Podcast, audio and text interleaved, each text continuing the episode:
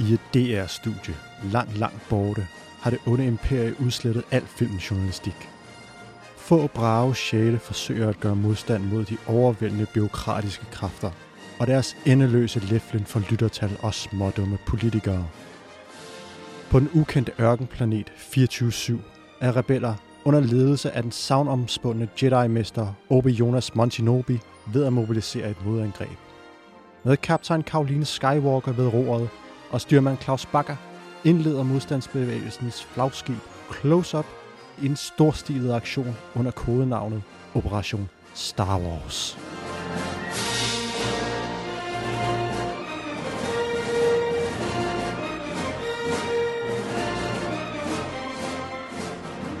Sådan kan man også slå tonen an til Star Wars-program, Claus. Det var fucking fedt. Det var fucking fedt. Boom, siger jeg bare. Okay.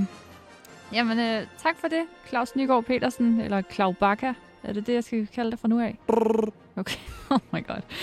Øh, og øh, mit navn må så i dagens anledning være Karoline Skywalker, eller Karoline Bælstrøm, må jeg nok sige, jeg foretrækker det. Men Claus Bakker, Klabakker. Klau Bakker. Vi er jo ikke alene i dag. Vi har nemlig øh, en vaskeægte Star Wars-ekspert med til studiet, Jonas Monti. Du er anmelder for blandt andet Soundvenue, og er derover mediets Star Wars-ekspert. Ja, det kan man nok godt sige. Jeg er meget stolt over at blive sammenlignet med Obi-Wan i introen, det vil jeg sige. Det er jeg meget glad for. Du har en skægvækst, der leder dig henad. Det, han er mit mål i al, alle måder i livet. Både skæg og øh, sådan bare personlighed, væremåde, alt sådan noget. Okay. Okay. Stiler efter at være ham. Men Obi Jonas Montinobi, man står vel ikke bare op den ene dag, og den anden dag er man øh, et af de førende danske øh, anmeldermediers øh, Star Wars-ekspert. Hvordan er du blevet det? Altså, jeg har jo nok startet min Star Wars-uddannelse, før jeg sådan rigtig kan huske. Fordi jeg, jeg, jeg, jeg har ikke noget minde om at se de første seks Star Wars-film for første gang. Det har bare altid været en del af min, sådan, min opvækst. Uh, jeg har set dem virkelig, virkelig mange gange, igen og igen og igen. Okay, så det var bare sådan, verden så ud. Ja, altså det var sådan, Det sådan den der her. gang, man- det var det, jeg, jeg havde dem på DVD. Jeg føles meget, jeg føler mig meget ung nu, når det var det, det der var i min barndom. Men, øh, men ja, så dem, da jeg var syg, bare sådan igen og igen og igen. Kan dem uden ad. Stor Star Wars Lego-fan også. Har virkelig, virkelig mange ting af det og sådan noget. Så det er en helt stor pakke. Du har fået det ind med, med, med nærmest modermælken. Ja, det, det er stort set en del af min DNA, vil jeg sige. øh, og så har, jeg, så har jeg jo så forfulgt den interesse hele livet. Hver gang der er kommet noget nyt Star Wars, skynd mig ind og se det og sådan noget. Jeg synes bare, det er en fed, fed verden. Og at Soundvenue nu har brug for en decideret Star Wars-ekspert, det må jo også komme sig af, at det, det her, det er en snibbold, der bliver ved med at rulle. Det er jo utømmeligt, det her univers. Ja, der var jo lige sådan en, en lang tørkeperiode efter, hvad det er, 2005, hvor Revenge of the Sith kom, hvor jeg bare sådan, det er der, hvor jeg sådan, min største Star Wars bevidsthed har været. Og så kom der bare ikke noget. Og så købte Disney det, bla bla bla, alt det der. Så i, ja, i 15 kom der lige pludselig en masse nyt Star Wars, og siden det har der jo bare hvert år kommet mindst en film eller en serie, tror jeg næsten. Jeg synes, du skøjter meget lidt hen over, at øh, Disney-koncernen køber Lucasfilm i 2012 for 23 milliarder kroner. Ja, Det er jo... Øh, jamen, det, vi kan godt bare lade som om, det ikke var noget særligt, Jonas. Men øh, det har haft virkelig, virkelig stor betydning for Star Wars i hvert fald, vil jeg da sige. Og jeg tror, at grunden til, at der kommer så meget Star Wars nu, er jo fordi Disney ved, at de kan tjene en masse penge på det. Og det kan være for, for værre eller bedre for Star Wars-fans, men altså. Ja, det er jo også, som du netop var inde på, Karoline, det er jo en af de mest lukrative franchises overhovedet på tværs af film, serier, alt. Altså, som det astronomiske tal, du lige nævnte før. En absurd øh, dyr franchise. Afhængig af, hvordan man vurderer den, så kan beløbet jo går helt over, ud over det, som den er blevet solgt for. Så er der jo også merchandise, hvor der er igennem tiden er blevet solgt for, hold fast, 42,2 milliarder dollars merchandise Star Wars er blevet solgt. Ever. Det er fandme meget legetøj. Ja, og det er jo også det, som George Lucas var så sådan forudseende med, da han lavede den første film. At, jeg kan ikke huske, hvordan det var præcis, men han frasagde sig noget af indtjening fra selve filmen, imod at han så kunne få 100% af indtjeningen fra merchandise, som i 70'erne det var ikke, man lavede ikke rigtig merchandise på film, før måske lavede man nogle Happy Meals eller et eller andet. Men det har jo været et af de største legetøjs-franchises nogensinde. Så han har jo også tjent absurd mange penge på det. Mm. Jeg, jeg kan jo ikke undgå at se den smukke sorte t-shirt, du har på i dag, hvor der er et uh, lille, en lille Star Wars-karakter på. Uh, Ja. Hvem er det? Jeg har taget en, en Uniqlo t-shirt på med, med BB-8 på fra øh, den, nye, den nye trilogi. Hvor meget uh, Star Wars merch har du? Jeg har nok for nogle, i hvert fald 1000 kroners Lego Star Wars, som er samlet helt tilbage fra den oprindelige X-Wing Fighter fra 99, tror jeg. Øh, som jeg helt klart også har været en del af min kærlighed til Star Wars gennem det. Og så senest har jeg købt den øh, nye Lego AT-AT ja. øh, og samlet i sommerferien, som var virkelig, virkelig fed at bygge. Og den er går mig til hoften, tror jeg næsten. Hvor høj er du? Bare lige så vi har en idé om, hvor høj den er. Jeg er cirka 45 cm høj. Nej, jeg tror, jeg er 1,80. Jeg tror, den er lige under en meter, måske sådan noget 80, 80 cm høj. Ja, altså en stor øh, Lego-figur. Ja. Hvor lang tid tog det? Det tog mig måske en til to uger at bygge den. De første par dage var jeg sådan ret intens. Arbejdede måske fem timer om dagen på den. Og så var det sådan en time eller to de næste par gange. Men det har nok i hvert fald været mellem 10 og 15 timer, jeg tror, det tog at bygge den. Shit, det, det er alligevel tid. Okay. Jamen, øh, Jonas, øh, man siger, vi er meget glade for, at du vil øh, komme i studiet med os og fortælle mere om, hvor hele Star Wars er på vej hen. Fordi som vi jo har fået etableret, så bliver det jo ved det her Star Wars. I det uendelige univers for evigt for evigt. Der udkom øh, nogle tv-serier efter at Disney købte Lucasfilm. Der har været Mandalorian, Book of Boba Fett, Obi-Wan Kenobi, og nu er der sørme landet endnu en i 2022. Og der har jeg altså personligt brug for en lille smule hjælp til, at du lige kommer ind og fortæller mig helt præcis, hvorfor jeg skal blive ved med at have mit Disney Plus abonnement og kaste mig ud i endnu en Star Wars-serie med endnu en mandlig hovedrolle. Mm. For jeg er bare ikke verdens største Star Wars-fan. Men du er jo stor musikfan, og noget af det, som er kendetegnende ved Star Wars, det er jo noget meget ikonisk musik. Altså, det kan godt være, at du ikke kan huske filmen eksakt, men du kan altid huske den der...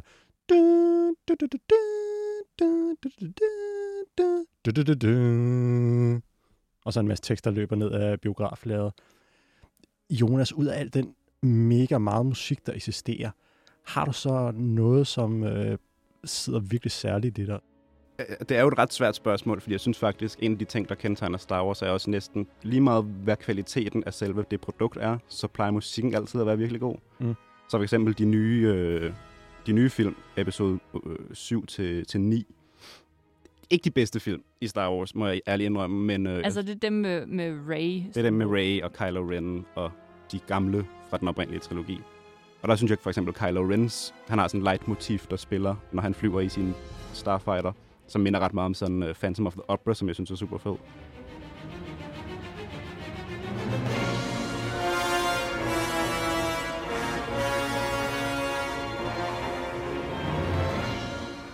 Uh, Mandalorian, som jeg synes er en super fed serie, har også et virkelig, virkelig interessant, sådan anderledes uh, soundtrack lavet af Ludwig Gor- Goransson, uh, hvis det er udtalt rigtigt, som sådan nyskaber, hvad Star Wars gør fra det der John Williams noget. Men jeg tror, min sådan min, min favorit af alt Star Wars er nok Duel of the Fates, øh, som jeg bare sådan tematisk synes er en super fed, øh, super fedt stykke musik.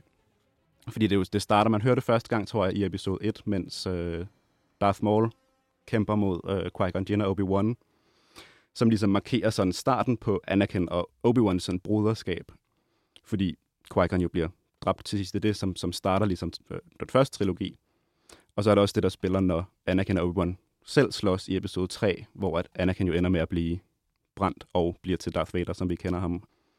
Og det er bare sådan, ja, musikken indkapsler den rejse, som jeg synes er super fed, og Obi-Wan er en af mine yndlingskarakterer, så det der broderskab mellem dem, og hvordan musikken ligesom starter og slutter deres forhold, synes jeg er, er en vild smuk ting. Skal vi så ikke lige høre en lille smule af musikstykket Duel of the Fates fra Phantom Menace, selvfølgelig skrevet af John Williams. Jo.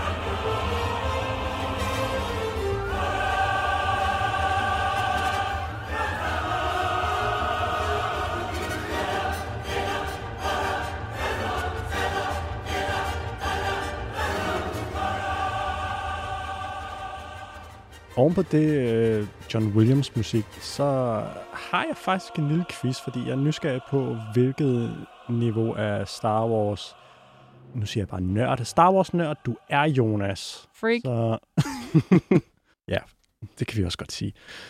Hvilket niveau af nørd du er. Øh, så jeg har fem søde fakta, som jeg har slået op diverse steder online. Nogle af dem mere obskure end andre.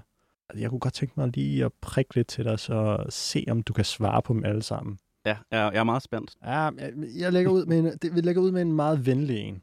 Hvor hurtigt gennemførte Han Solo det legendariske Kessel Run, en sådan smuglerrute, som alle øh, smugler har gjort brug af? Hvor hurtigt gennemførte han det? Altså, det er jo så selvfølgelig, der er en, en længdebestemmelse på det. Uh, det kan godt være, at jeg ikke er helt på. Jeg tror også, det ændrer sig lidt i solofilmen, nemlig, som har forvirret mig. Fordi han bliver ved med at gøre det kortere og kortere for at blære sig. Øh, men Parsec er jo en længdedistance, og han gør det ved at manøvrere tæt på sorte huller, som er det imponerende ved det. Jeg tror, det, de, har, de har sådan lollet lidt rundt i det, fordi det startede jo med at være, at Parsec er en astronomisk tidsberegning, eller længdeberegning, men så lyder det, som om man siger, at det er et stykke tid i, i den oprindelige trilogi. Og så fik de lige solofilmen lavet om til, nej nej, det var faktisk en længdeberegnelse alligevel. Og sådan blev jeg lige skolet i det. og der er nemlig flere forskellige øh, angivelser. Den, som jeg har fundet, det er 12 parsecs. Mm, ja. som også er sådan okay hurtigt, har jeg kunne læse mig frem til, fordi standard øh, enheden, det har været 20 parsecs. Så er det stadig hurtigere end gennemsnittet. Ja.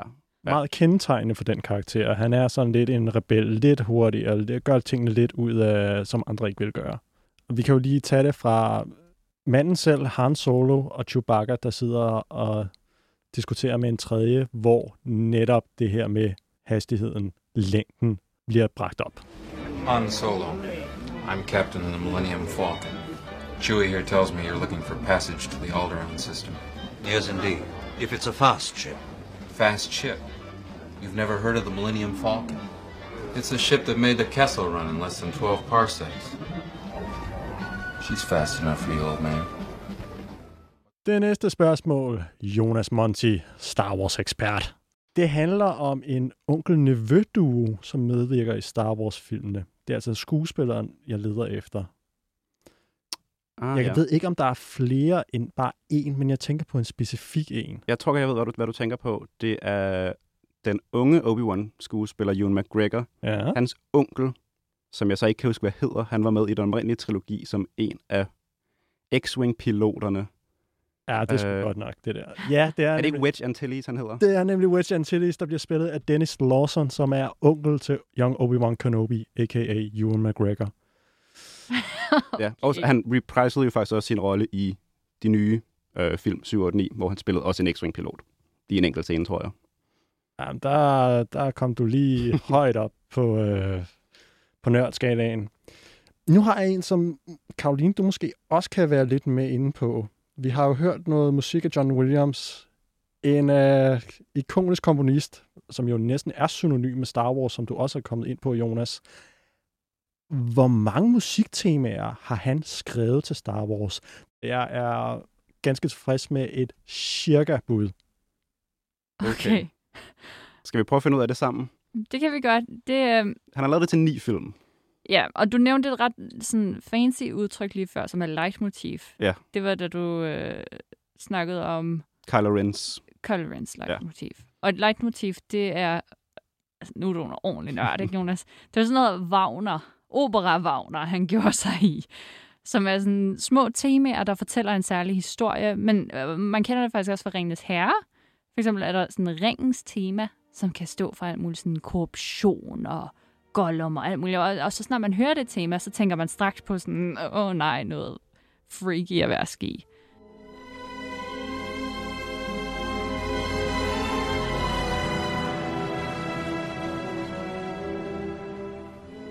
Så det er, sådan, det er noget, der kan formidle en følelse, eller en, eller en bestemt genstand, altså ligesom ringens tema er det.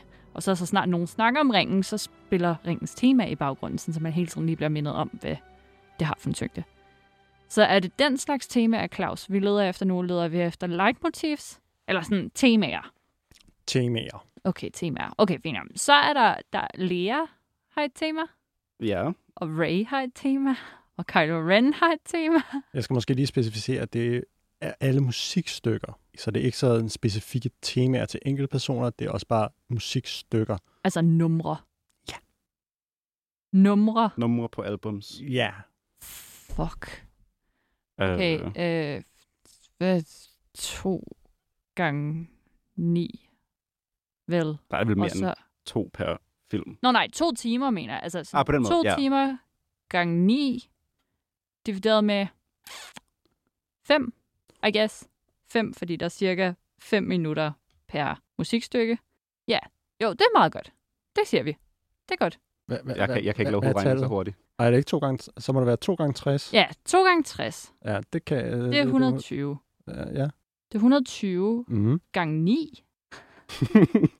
Jo, jeg har, jeg har fat i noget her. Okay, så 120 gange 9, det giver 1080, divideret med 5 minutter per musikstykke. Så har han skrevet 216 numre til Star Wars. Det tal, som jeg har fundet frem til på Star Wars Wikipedia, dedikeret til musik, Ja, 60-70. fuck. Øv. Men jeg kan godt lide, at du prøver at deducere dig frem til det. Nå, okay. Jeg prøvede. Ja, jeg tror ikke, jeg havde gættet noget, noget tættere på, nødvendigvis. Nå ja, jeg svarede bare på din vej, Jonas. Det er Ja, jeg ja. ked af. Okay, Claus, har du et spørgsmål mere? Jeg har, jeg har to spørgsmål mere, og de her, de synes jeg er vanvittigt sjove.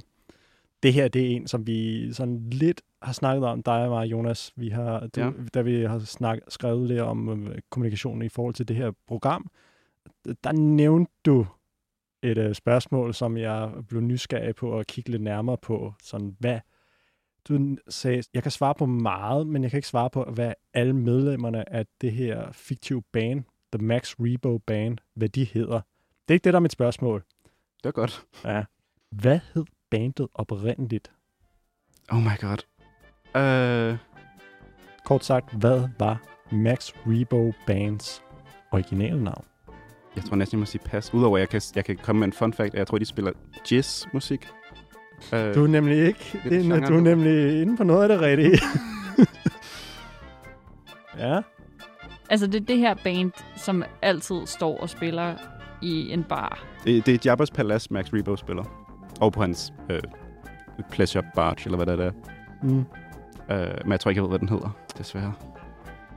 Ever Orbus and his Galactic Jizz Whalers. Nå ja, det er fordi, hvis man spiller jazz, så hedder man en jazz whaler i Star Wars-universet. Det er ligesom at hedde jazzmusiker, så er man en jazz whaler. Altså, J-I-Z-Z. Ja. Som i... Ja. Ja.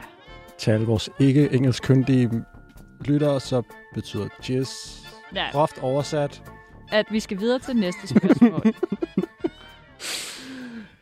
Okay, det har altså været et meget opløftende spørgsmål, der har været indtil videre. I har svaret rigtigt på nogen, I har svaret ikke rigtigt på nogen. Den her, det er en af de mest morbide fakta, jeg nogensinde har oplevet, indtil jeg sådan dykket lidt mere ned i det. Hvor mange har R2-D2 slået ihjel? Jeg taler om den her søde androide, som kører rundt og siger blip, blip, blip, blip, blip hele tiden. Når vi taler om at slå ihjel, tæller andre druider, så har de et liv. Det bliver meget øh, filosofisk nu. Kan man slå en druide ihjel? Ja, det kan man godt. Okay, fint nok. Fordi så er det nok en hel del. Øh, det er ikke lige så meget som druiden i Rebel-serien, der hedder Chopper. Jeg kan fortælle dig, at Admiral Hooks fra de nye Ja, Star Wars-film, han er, det er ham, der har rekorden. okay. Han har jo smadret en hel planet med Det er en Star ja. Destroyer. Og det tæller jo op i en ens kill count. Ja, og før det, så må det næsten have været ham, der trykkede på aftrækkeren på dødstjernen, der, øh, der havde rekorden. Mm. Øh, Men R2-D2, den lille Han er... bibende sociopat, 245.000. ah, du, er, du er rigtig med i 200 et eller andet, men du er langt fra. 1 million Oh my god. og 253. Hvorfor? Hvor? Jonas var nemlig inde på noget af det rigtige. Er det fordi, han st- i Clone Wars-serien styrede sådan et skib med eh, high explosives ind i sådan en hel flåde af druider på et Han, han, tidspunkt? han dræber nemlig 1 million droids. Ja. Oh my god. Og derefter han har sådan cirka 245 sådan kills på levende organismer. R2-D2 er en krigsforbryder. Jesus Christ. Jeg blev lige nervøs, da du be- begyndte at snakke om, betyder droideliv noget? Så var det sådan, åh oh, shit, mand. Det er et spørgsmål, Star Wars ikke selv kan svare på, fordi at nogle gange er druider bare robotter med 0 og 1 op i hovedet, og nogle gange er de følende, tænkende individer på deres egen ret. Så det er sådan lidt op i luften i Star Wars også. Var det det mest mobile Star Wars fact, du kunne finde, Claus? Hva, hva, Jonas, så har du det mest mobile Star Wars fact nogensinde? Øh, ja, i, i forberedelse til den her quiz, så øh, jokede jeg om, at jeg kunne sige, hvad Greedos efternavn var, og det kunne jeg ikke. Så jeg, jeg tænkte, det blev lige nødt til at slå op, for jeg troede faktisk ikke, han havde et. Øh, og så, så fandt ud af, at han hed, nu kan jeg ikke huske præcis, hvad, hvad efternavnet var, men han hed noget med Junior. Og Greedo er jo ham, der blev skudt af Han Solo, øh, som skød først i, i episode 4. Og nu kan jeg bare ikke lade være med at tænke på Greedos far, der får den nyhed om, at hans søn er blevet skudt på en bar i koldt blod øh, af Han Solo. Og jeg synes, vi skulle lave en film om det. Om Okay. Greedos far, der måske prøver at søge hævn på Han Solo eller et eller andet. Så dit, dit mobile Star Wars fact er, at en tilfældig person, der bliver skudt, har et efternavn. Har en far. Og Det er måske ikke så overraskende, men øh, det var overraskende for mig. Okay. Ja, det er det der junior, der ramte dig hårdt. Jeg kunne Ja. godt se på dig, Jonas, du var sådan helt, huh. Du blev lige pludselig meget mere en humanist, øh, i stedet for en øh, sådan random forbryder i en bar, der prøver at spille smart. Ja, ja der, er nogen, der, er nogen, der er en far, der har været stolt af ham. okay. Og det synes jeg bare er lidt sørgeligt at tænke på. Eller han er produktet af en dårlig barndom, så han er stukket af og blevet forbryder. Det kan selvfølgelig også være. Men vil han så beholde, vil han så beholde junior-navnet? Det tror jeg ikke. Jeg tror, han har et rigtig godt forhold til sin far. Må jeg lige... Jeg, jeg, jeg stopper lige. Fordi nu, jeg, jeg, jeg fik et desperat håb om at kunne komme videre ved, at I sagde noget med en dårlig barndom og at stikke af. og med den segue, så vil jeg gerne sige, øh, Jonas, en af grundene til, at du er her i dag, udover den fornøjelse, er jo, at der er kommet en ny Star Wars-serie i 2022, som hedder Andor. Præcis. Og den har en hovedperson, som har haft en lidt hård barndom og stukket af. Ja. Ikke? Please Det, ja. det kan man godt sige, jo. Okay. Uh, Men hvad, Andor, hvad, hvad er det her nu lige pludselig for en størrelse? jo, der er jo det dejlige i Star Wars, at det foregår altså meget ude af kronologi. Så Andor er en prequel-serie til en prequel-film, til en film, der hedder Episode 4, men som så var den første film, der kom. Uh, Uh, mm, Men for at gøre det lidt mere simpelt. I A New Hope springer de dødstjernen i luften. Rogue One handlede om, hvordan de fik planerne til dødstjernen. Og det var blandt andet karakteren Cassian Andor, der var med til det. Og nu har vi så en prequel-serie, der handler om, hvordan han var, før han gjorde det. Hvordan han bliver Cassian Andor. så jeg skal bare lige forstå en gang til, at A New Hope, som jo så er, hvad man populært kalder firen, selvom det var den første film, der udkom Ja. i 70'erne, med Mark Hamill og Harrison Ford. Præcis. Carrie Fisher, ikke? Så, så når de i firen i gåseøjne, Ja. eller skal jeg bare kalde den firen? Altså, der, der- den hedder episode 4. Okay, nå. Når de firen skal bruge planer til dødstjernen, så er der en film med Felicity Jones, som er ret ny, Ja, fra 2016, tror jeg.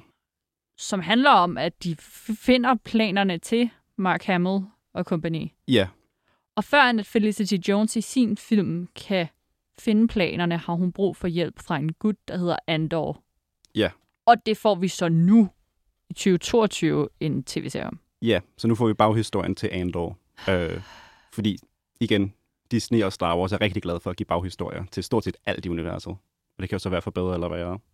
Jeg føler lidt, de prøver at malke noget her. Ja, det, det kan man godt sige. Øh, Eller skabe dybde. og det er den anden, det er den anden facet af det. Og, og det vil jeg faktisk sige med Andor, at jeg synes, at de formår.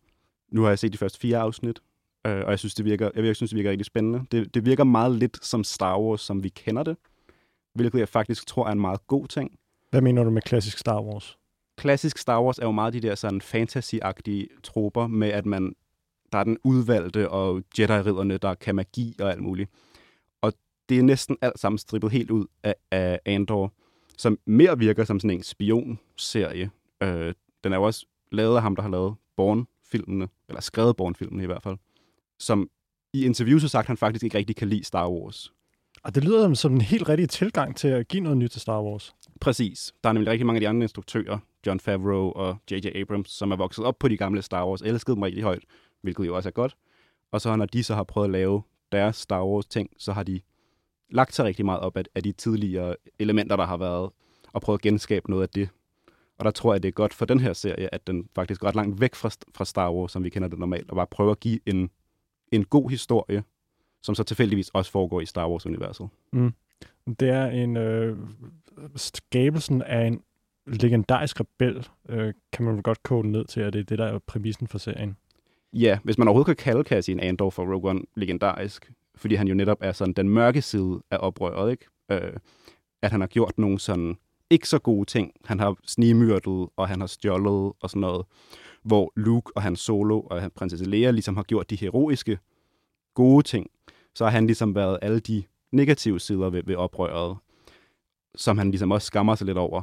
Han føler ikke, at han fortjener et, et godt eftermæle i Rogue One. Mm. Det lyder jo vanvittigt spændende, og også noget, som, øh, som du siger, adskiller sig meget. Hvor er, ser du det her tonale skift komme i Star Wars-franchisen? Fordi der, der er jo to hovedspor, som du har sagt, de er meget fantastiske. Filmene, men serierne, de, er, de, er de på samme måde, eller skiller de sig ud?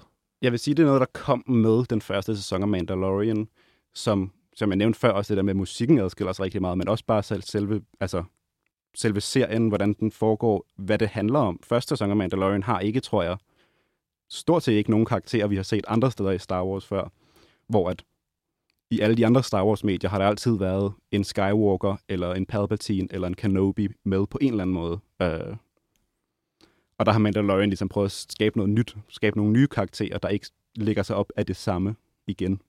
Og det føler jeg også, Andor gør her. Øh, og så er der selvfølgelig også nogle af serierne, Kenobi-serien, Boba Fett-serien, som giver en masse dybde til nogle karakterer, vi allerede har set fra den oprindelige trilogi, 4, 5, 6, som så måske også har været med, med mindre held, vil jeg sige. Mm.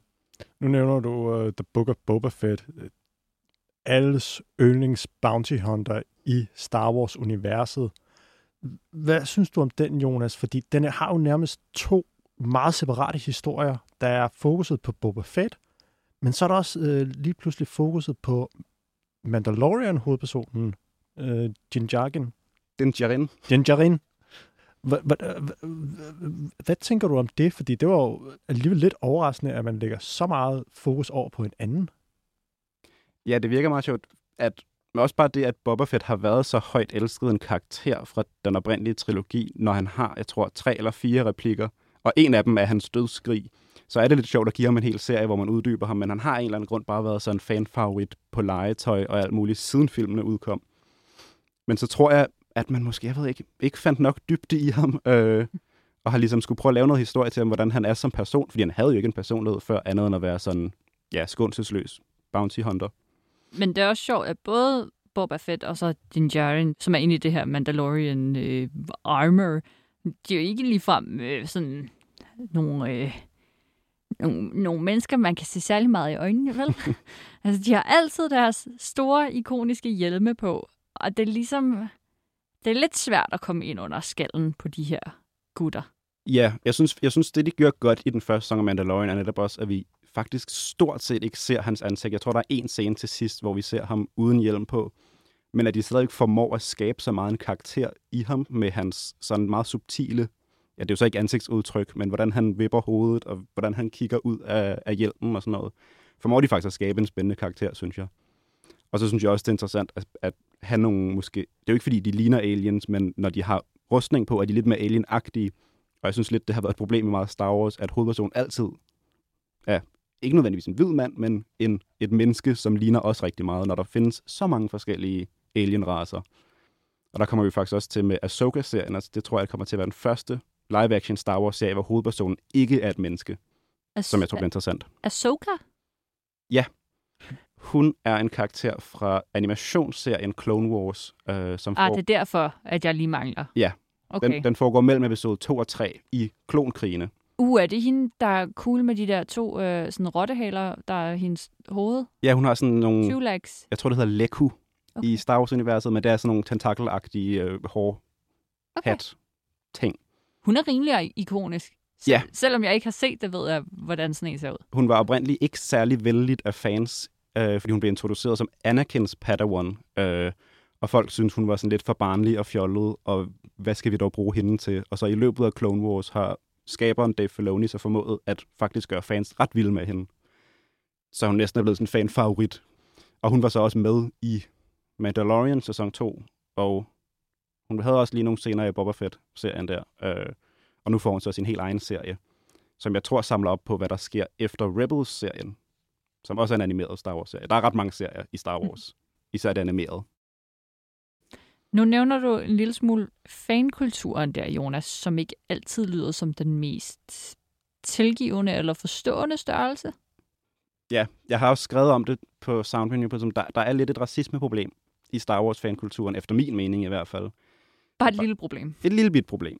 Aha. Øh, der, var, der var ikke nogen problemer med det i den oprindelige trilogi, fordi der ikke var n- rigtig var nogen karakterer, der ikke var hvide med, udover Lando Calrissian. Øh, men der var så ret meget had til prequel-trilogien, fordi at ham, der spiller Jar Jar Binks, Ahmed Best, han, øh, han er afroamerikansk, og der har været ret meget, der han fik super meget øh, hademails og alt muligt, delvist baseret på, at folk ikke kunne lide hans karakter, Jar Jar Binks, men så også rigtig meget racebaseret, også fordi at det ligesom hans portrættering godt kan fremstå som en, en negativ stereotyp øh, af afroamerikanere. Ja. Ja, fordi øh, Jar Jar, åh, jeg, jeg tør næsten ikke øh, ud, sige, hvordan han taler, men det er sådan lidt, miso, sorry, miso, la la la. Det er altså, Det var ret godt. det, det ved jeg ikke, om jeg er stolt af. det, det er meget karikeret, og det er, øh, hvis ikke det var portrætteret af en afroamerikansk skuespiller, så ville man jo kalde det blackface i en eller anden forstand, fordi den netop er så langt ud karikeret. No, no, Mr. Stay. Mr. called Jar Jar Binks. Mr. your humble servant. That won't be necessary. oh, but it is. Tis demanded by the gods, it is. Excuse me, but the most the safest place would be Gonga City. It's where I grew up. Tis a hidden city. det, det ene ting er jo at have en karakter, men noget andet er at have personen. Det er jo også noget af det, vi ser øh, nu med Ringenes Herre, for eksempel, eller Game of Thrones, hvor der også er mange diehard fans, som virkelig indad går ind og hader casting af ikke-hvide skuespillere i roller, som de ellers mener sådan, ah, det, man skal respektere forlægget, men altså, hvor langt kan man gå i sådan noget der, når forlægget er sådan lidt diffust i forvejen? Altså, jeg, jeg synes, det er jo fjollet at, at være irriteret på, hvordan jeg ikke kunne lide karakterer i Star Wars-universet baseret på deres hudfarve, fordi det netop er et univers med så mange forskellige typer, øh, ikke nødvendigvis mennesker, menneskelignende aliens og sådan noget. Så at synes det er underligt, at der er folk med en mørkere hudfarve end andre, det giver jo slet ikke mening. Øh, men der har bare været, og det er ikke kun med Ahmed Best i episode 1, det har ligesom siden da været problemer. Med de nye film, der var det Rose Tico-karakteren spillet af Kelly Marie Tran, øh, som er asiatisk herkomst, som også fik rigtig meget had, og også racistisk hademail øh, om det, fordi folk ikke kunne lide hendes karakter. Og det er jo bare, altså sådan, jeg synes, det giver meget sig selv, at man ikke burde have nogle mennesker, fordi de spiller en karakter, man ikke kan lide. Og så også at bringe race ind i det, er jo ligesom bare dobbelt, dobbelt Mm. mm. forkert. Der var også øh, John Boyega i de nyere Star Wars-film, altså dem med, med Rey, Ja, øh, som spillede en, en øh, sort stormtrooper. Det kunne folk heller ikke tage. nej, der var folk, der var virkelig sure, bare da traileren kom. Så han, øh, heldigvis, så er, synes jeg, at karakter er super fed. Det er jo så lidt ærgerligt, at han så ikke fik så meget en historie eller karakterudvikling i de senere film, hvilket nogen også siger, måske fordi Disney prøvede sådan feje de karakterer, folk ikke kunne lide lidt under gulvtæppet, ligesom man også gjorde med Jar Jar Binks i sin tid, øh, og ligesom ikke rigtig færdiggør deres historier, og i stedet for at give karakterudvikling til de hvide hovedpersoner, som Kylo Ren og, og Rey. Mm. Øh, Jonas, man gik sådan lidt i et øh, nostalgitrip med, at nu skal man sådan have slutningen på noget Skywalker-saga, og så... Øh, det, det var også en, det var jo lidt nogle komplicerede film, fordi du nævnte øh, J.J. Abrams, som jo laver den første af de nye Star Wars-film. Så er meningen så, at den skal gå videre til en instruktør fra film til film. Men hvad går der galt der? Fordi der går lige pludselig, der kommer noget toren, kontroversiel, Ja, den gør nemlig rigtig meget anderledes, og det er jo Ryan Johnson, der instruerede den, som ligesom fik tøjlerne efter J.J. Abrams, og han prøver at gøre rigtig mange ting, som måske ikke er så normalt i Star Wars. Med, der er mange, der ikke kan lide den der. Der er sådan en casinoplanet med en masse rige mennesker, der, der profiterer på krig og sådan nogle ting. Og den minder ikke rigtig om nogle af de Star Wars, som vi tidligere har set, hvor at den, som J.J. Abrams instruerede til at starte med, jo er sådan en til en. Bare episode 4 igen. Øh, Det er den, der hedder The Force Awakens. The Force Awakens, ja. Som er et fint, op, op, det er et fint nok oplæg til en ny trilogi. Øh, men det er jo ikke så sjovt, hvis hele trilogien bare kommer til at være det samme. Men ja, så efter Ryan Johnson, så giver de ligesom J.J. Abrams ansvaret for at lave den sidste film igen. Og han prøver så at få det tilbage til, hvad hans vision var med, med den første af dem. Så i grundlæggende vil jeg sige, problemet med dem var, at der ikke var sådan en enkelstående vision om, hvad trilogien skulle være på forhånd, men man ligesom skrev en film, og så kastede man det videre til de næste, så skrev de en film, og så skulle de næste ligesom finde ud af, hvad de lavede der. Hvor at meget kan man sige om George Lucas Star Wars film, og kvaliteten af dem som film, især prequel-trilogien, men der er der en sammenhængende historie fra, fra 1 til 3 i begge trilogierne, øh, som faktisk hænger meget godt sammen, hvis man ser på dem. Mm. Er vi så ude i, at det faktisk går bedre for den røde tråd, når vi snakker Star Wars tv-serier, og at man måske bør lægge Star Wars film i graven for nu? Det kunne godt være. Man kunne jo også godt, altså man kunne jo godt lave nogle spændende Star Wars film. Hvis Man, man gør det bare ikke. Man gør det bare ikke. Men hvis man lavede nogle enkelstående historier, som måske ikke nødvendigvis skulle sådan lægge sig op til alt muligt andet, og lægge op til en trilogi og alt muligt, så, så vil man, tror jeg godt, kunne få succes med det. Problemet er jo bare, at det er så meget dyrere at lave en film, end at lave en serie. Så de tester lidt vandene med at lave nogle serier, tror jeg. Mm, det var det, de gjorde med Rogue One, som Andor jo er en prequel til. Også lidt øh, solo øh, prequelen til hans solo, hans skabelseshistorie. Hvordan blev de egentlig modtaget? Rogue One blev modtaget ret godt, og den har jo ligesom også fået en spin-off nu. Jeg synes, at det var en super fed Star Wars-film. Jeg tror næsten, det er en af mine yndlings, fordi den, den tager det, man godt kunne lide ved de oprindelige tre, altså 4, 5, 6, og bragt bare det op til det moderne, så man ligesom havde moderne CGI med X-Wing fighter, der flyver rundt. Øh, og det synes jeg var super fedt, og det var en, ligesom en lidt mere nede på jorden krigshistorie, som jeg synes var fed. Og så var der Solo, som jeg også synes var en fed film, og det er også, fordi jeg godt kan lide Star Wars. Men jeg synes, den var lidt overfyldt af sådan noget. Når det var sådan, han fik sit, sit bælte, og det var sådan her, det her hans terninger i bagspejlet kommer fra. Og det er sådan her, han begyndte at gå med vest, og alle de der sådan, forklaringer på, på elementer af hans solokarakteren, som jeg ikke synes, vi behøver nødvendigvis i en baghistorie til ham. Og den klarede sig så også af Star Wars standarder ret dårligt. Som en normal film, tror jeg faktisk, den tjente helt fint. Men den gjorde, at man omlagde... Der var, nogle planer om at lave flere Star Wars enkeltstående film efter det. Blandt andet Obi-Wan Kenobi, som så blev omlagt til en serie, øh, fordi det var en, en, et mindre sats. Og fordi for, man tænkte, uha, kan vi presse folk ind og se nye film biografen hele tiden? Ja, de har jo lige meget for nylig her aflyst en øh, film, der skulle være blevet instrueret af Patty Jenkins, instruktøren fra Wonder Woman Rogue Squadron, som har været annonceret i mm, to-tre år, men øh, nu virker til at være blevet endelig skrinlagt. Hvad tænker du, sådan et signal indikerer? Jeg tænker helt klart, hvis man kigger på deres sådan hvad skal man sige, deres schema for, hvad de tænker sig at udgive i fremtiden, så er det jo rigtig, rigtig meget serier. Der er nogle animerede ting, tror jeg, de fortsætter med, med, øh, med Bad Batch for eksempel. Men de har også rigtig mange live-action-serier på vej, Ahsoka-ting og, og sådan noget. Så jeg tror, at, jeg tror, at det er et fuldt skift til serier, vi ser fra Star Wars. Og det tror jeg, det er det, vi kommer til at se i fremtiden også. Det er jo fint for dig, Jonas. og til dels også dig, Claus.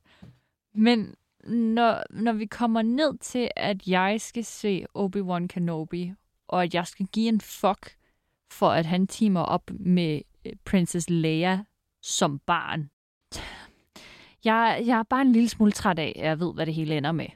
Jeg, jeg er træt af at genbesøge gamle karakterer, som øh, enten dør, eller formår at få planerne til dødsstjernen, og derfor kan øh, sejle igennem historien for All That I Care, fordi jeg ved godt, hvad det hele ender med. Og det, de, jeg, jeg tror bare, jeg har brug for at få meldt ud noget mere, hvad der er enkeltstående ting, som kan klare sig for sig selv, hvilket jeg indtil sæson 2 af Mandalorian følte, at The Mandalorian var. øhm, jeg synes godt nok også, at, at den nye serie Andor her, jeg havde sorry, men kraftet med glemt, at han har en finger med i spillet, når det kommer til at skaffe dødstjerneplaner og alt sådan noget. Jeg har umiddelbart set Andor indtil videre, som bare en enkeltstående, forholdsvis fed Star Wars action-serie, som er lidt mørkere, end hvad jeg havde regnet med. Altså sådan, første episode foregår på et bordel. Allerede der var jeg sådan, nå, okay, så gør vi det. Og der bliver skudt en gut i ret koldt blod, som ikke behøvede at dø. Der vil jeg også sige, øh, okay, Andor, helt sikkert. Den har lidt mere enkelstående Mandalorian-vibe over sig, uden at den så overhovedet er det alligevel. Men det, for mig er der en lille smule håb i sådan en serie som Andor, som lader som om, at den er enkelstående. Ja, mit håb med serien fremover er helt klart også, at den ligesom ikke introducerer for mange karakterer med den der sådan, uh, se, nu har vi Mm. Mon Mothma med, eller sådan noget. De kommer stadigvæk til at gøre det. Mon Mothma er med i den. Men, øh, men, men jeg tror ikke, man behøver at vide, hvem hun er nødvendigvis for at se den serie, hvor i den anden sæson af Mandalorian er der rigtig mange sådan, det næste at kigge ind i kameraet og være sådan, oh, se hvem vi har fået lov til at have med. Og det håber jeg ikke, at de gør i Andor, og det tror jeg også, der er håb for, fordi Tony Gilroy, showrunner, netop ikke er super stor fan af sådan Star Wars-universet som helhed, og ikke har lyst til, tror jeg, at det bliver til sådan en referencefest hele vejen igennem. Men nu kan vi selvfølgelig se, når det fortsætter, om det bliver det, og jeg tror også, der er en anden sæson godkendt allerede, og det kan jo godt være, at det så lige pludselig bliver meget mere referencetungt. Uh, men det håber jeg ikke, og det tror jeg faktisk heller ikke, det bliver.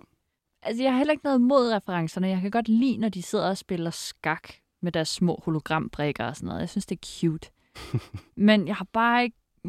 Jeg vil bare også gerne kunne være med en gang imellem, fordi hvis jeg nu ikke lige får set The Book of Boba Fett færdig, er jeg så fucked.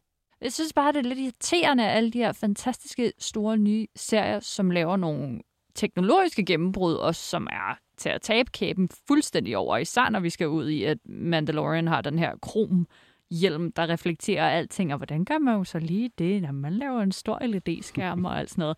Det er jo så fedt. Det er jo så fedt, og jeg vil så gerne være med. Jeg har bare ikke tid til at nørde Star Wars Clone Wars også. Og betyder det så, at jeg slet ikke kan forstå noget? Jeg tror, altså det, meget af det Star Wars, der er lavet indtil videre, der har det lidt været et krav, at man kender til Star Wars på et vist plan. Og det tror jeg måske også, måske, det kan have lidt have været problemet, at det ligesom har tabt mange sådan casual fans af Star Wars, eller bare nytilkommere, der synes, det lyder da meget spændende, alle taler om det her. Og der venter det med Mandalorian sæson 1, kan man komme til helt udefra. Og jeg tror også, vejen fremad for dem, hvis de skal fortsætte med at være succesfulde, er, at de laver nogle serier, som man kan se, uden at vide alle navnene på alle karaktererne øh, før.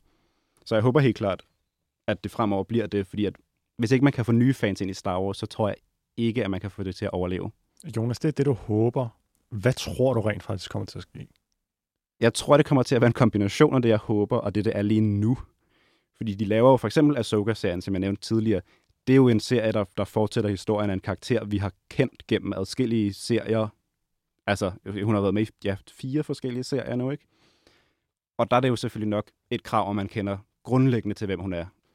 Men så tror jeg også, altså sådan, der kommer jo også andre ting, som Andor, øh, hvor, at, hvor jeg tror, man godt kan komme, komme udefra og se det. Og jeg synes også, kvaliteten i det, der har været for nylig med, fra Mandalorian og frem, det har jo også været meget svingende, og der har vi virkelig set de to serier, Andor og Mandalorian indtil videre, som starter ret meget fra, fra ingenting, har været det bedste i min mening, hvor The Book of Boba Fett, som bygger på en karakter, vi kender, og Obi-Wan Kenobi, som ser, altså sådan, de var ikke specielt gode. Jeg synes, det var spændende nok at få noget information om, hvad der skete før og efter. Vi kender dem, øh, eller mellem vi møder dem først og møder dem til sidst. Men, øh, men som serie var de lidt underlige, ikke super godt filmet, lidt kedelige visuelt og sådan noget, hvor at Andor indtil videre, synes jeg, har været super fed. Altså sådan virkelig flot filmet. Det føles bare som at se en, en film, og ikke nødvendigvis en Star Wars film, bare en, en flot film. Det er jo netop det, øh, der er det særligt ved Andor, fordi du har ikke så mange af de her fantastiske karakterer, men du har den her grundhistorie, som jo er fra Tony Gilroy, som du nævner. Det er en lidt, øh, det er jo en klassisk spionhistorie. Du kan jo sagtens sætte den ud i den virkelige verden, eller er der noget, som forankrer den i Star Wars-universet? Altså, der er jo selvfølgelig det med rumskib og sådan noget, øh, og de flyver rundt og, og sådan nogle ting. Øh, så på den måde er den forankret i Star Wars. Lige til at starte med at tænke, at det her kunne også godt være, det er lige før det kunne være en Blade Runner-historie, fordi det er regn og bordeller og sådan noget, synes jeg, det minder mere om. Og der er sådan en corporate security tjeneste, som virker ret cyberpunk-agtig med, med store firmaer, der ejer det hele og sådan noget. Så på den måde føles den meget ny. Øh, men der er jo også alle de her elementer, vi kender. De skyder med laserpistoler, og når der er, hver gang der er noget tekst på en skærm, så er det i Star Wars-alfabetet Aura Besh, tror jeg det hedder. Hvilket han også, de har blevet nødt til at prøve at overføre, så når man ser dem få en, en mail, eller hvad det er, de får i Star Wars-universet, så bliver det ligesom også skrevet op på skærmen i latinske bogstaver. Øh, så det, det er, man kan godt se Star Wars i det, mm. når man kender det. Og igen også, når de introducerer nogle planeter, Coruscant, som vi kender, sådan nogle ting. Men udover det, er der faktisk ikke rigtig så meget Star Wars i. Jeg synes også, at starten af Andors første sæson minder mig en lille smule om The Expanse fra Amazon Prime. Men, men de sene sæsoner af The Expanse, som er verdens bedste sci-fi-serie nogensinde, fordi der er det her skift mellem, at vi ser noget af hovedpersonen Andors barndom på en meget grøn og frodig planet, og der, det kommer i sådan nogle små cuts, hvor historien der øh, bliver ligesom spredt ud over episoderne, så det går meget langsomt med at få fortalt den historie, fordi du får lige to minutter fra den her grønne planet, og så er det væk igen.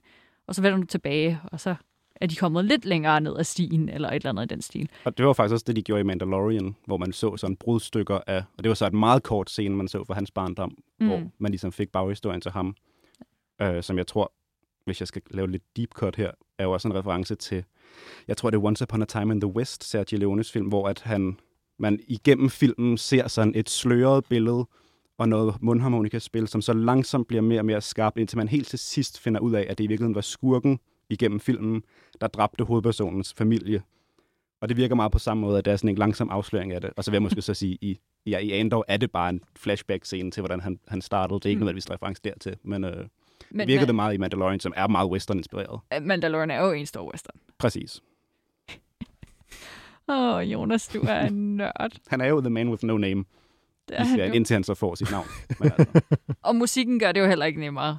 og Jeg det tr- tror jeg også er stærkt. Ennio Morricone inspireret, som lavede musikken til Sergio Leones film. Skal vi høre lidt Mandalorian? Det synes jeg.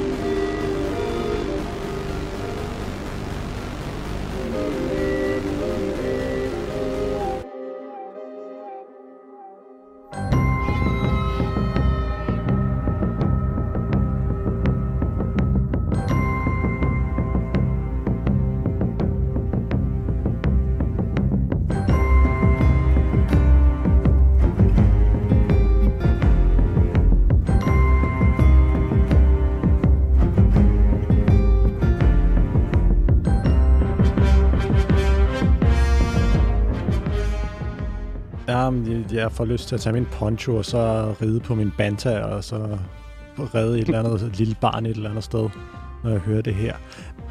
Men Jonas, hvor er det, de her inspirationskilder til serierne kommer? Altså, vi har jo helt klart noget, noget western i Mandalorian, vi har noget mere spy-stuff i Andor. Hvor er det, inspirationen kommer til at sætte de her fanta- fantastiske fortællinger?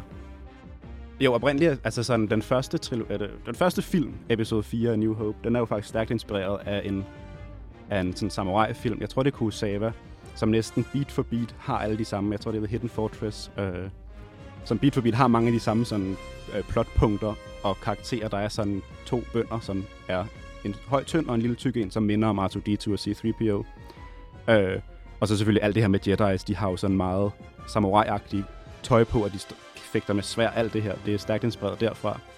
Øh, og det er faktisk også der inspiration til Mandalorian-serien kommer fra, tror jeg. Der er den der Lone Wolf and Cub, som er en film om en samurai, der finder en, et barn i en barnevogn og kører rundt med dem, og sådan løser forskellige problemer rundt omkring. Som Hmm. Mandalorian stærkt er inspireret af. Øh, Dave Filoni og John Favreau, som har sådan lavet den sammen, de, de har været stærkt inspireret af den. Og så har de så bragt en masse western-elementer ind over, som jo også er sjovt, fordi Sergio, Sergio Leones western-film, som også er en stærk inspirationskilde, de er også inspireret af Kurosawa-film. det hele vender tilbage til de store filmfolk på en eller anden måde. Øh, er Star Wars stor filmkunst, hvis du skal prøve at komme med et kort svar? Ja. Det første Star Wars revolutionerede special effects med, hvordan de gjorde det, at der er den her øh, dokumentarserie på Disney+, Plus, der hedder Industrial Light and Magic, som går bag om, hvordan de lavede det. Alle special effects tingene i de oprindelige film er, er systemer, de udviklede til, øh, til filmene, og George Lucas har hele tiden været sådan presset for, at man skulle prøve at lave CGI, og hvordan kunne man gøre det her endnu bedre special effects. På den måde altså, har det været nyskabende og presset branchen fremad til det punkt, at Lucas Arts og Skywalker Ranch, de nu laver special effects og lyddesign til alle mulige andre film. Så på den måde synes jeg, at det ligesom har været en, en meget vigtig del af filmhistorien. Kort og præcist, jeg elsker det, og jeg føler mig også øh, meget klar på at se mere Star Wars. Tak for det meget fyldeskørende svar, Jonas Monti, filmanmelder, Star Wars-ekspert. Tak for din øh, store viden. Det var slet. Tak fordi jeg måtte være her. Og tak til dig, kære lytter, for at lytte med. Du har lyttet til Close Up med Claus Nygaard Petersen, og jeg er Karoline Ballstrøm. Vi er tilbage igen om en uge, og indtil da, så kan du hente vores tidligere episoder af Close Up inde på 24-7's app, eller der, hvor du henter dine podcasts. Og så synes jeg, som en lille udgang, at altså, godt nok er Ludwig Göransson, som har skrevet Mandalorian-musikken, han er god. Og Nicholas Britell, som har skrevet musikken til den nye Andor-serie, han er eddermame også noget helt specielt. Det er ham, der har lavet øh, Succession-musikken også. Men altså, der er jo ikke nogen, der slår kongen. John Williams. Og heldigvis, så vendte han jo tilbage, da J.J. Abrams han startede eventyret med Ray og lavede de nye Star Wars-film i øh, sluttierne. Så skal vi ikke lige tage et uh, tema derfra, fordi John Williams, altså når man får muligheden for at spille ham, så skal man gøre det. Så her hører vi til slut Rays tema fra The Force Awakens af maestro John Williams.